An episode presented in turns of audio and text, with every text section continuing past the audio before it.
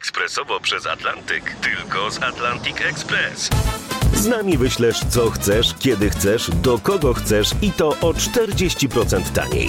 W Atlantic Express wysyłamy wszystko, co chcesz. 1 800 775 7363. Mienie przesiedleńcze, kontenery, paczki do Europy. Atlantic Express to 30 lat doświadczenia i o 40% niższe ceny na wysyłki kontenerów, samochodów i paczek. Ekspresowo przez Atlantyk tylko z Atlantic Express.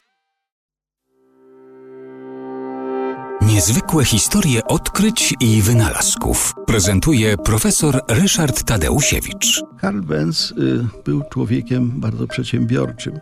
Wspominałem o tym, że zaadoptował wynalazek Gottlieba Daimlera, czyli silnik spalinowy na napędzie benzynowym.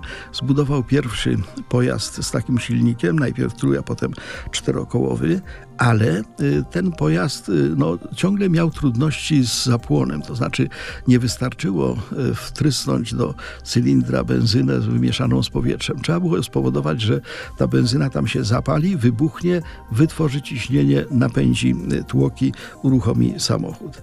I y, Karl Benz był pomysłowym bardzo y, człowiekiem y, o szerokich horyzontach.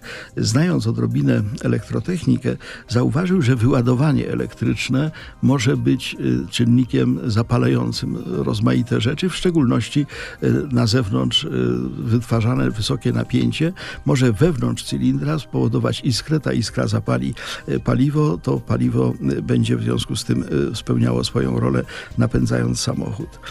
Ten pomysł i to, to odkrycie i ten powiedzmy pierwszy samochód i pierwszy silnik z elektrycznym zapłonem został uznany za tak ważny element kultury materialnej ludzkości, że uzyskał wpis UNESCO, to znaczy pierwszy samochód z napędem elektrycznym, z napędem spalinowym, ale z elektrycznym zapłonem konstrukcji Karla Benza, zbudowany w 1886 roku, został wpisany na listę zabytków UNESCO jako dziedzictwo kultury materialnej. Jest to rzadka dla inżyniera gratka, no bo inżynierowie jednak no, raczej są odnotowani w innych rejestrach, a nie w UNESCO.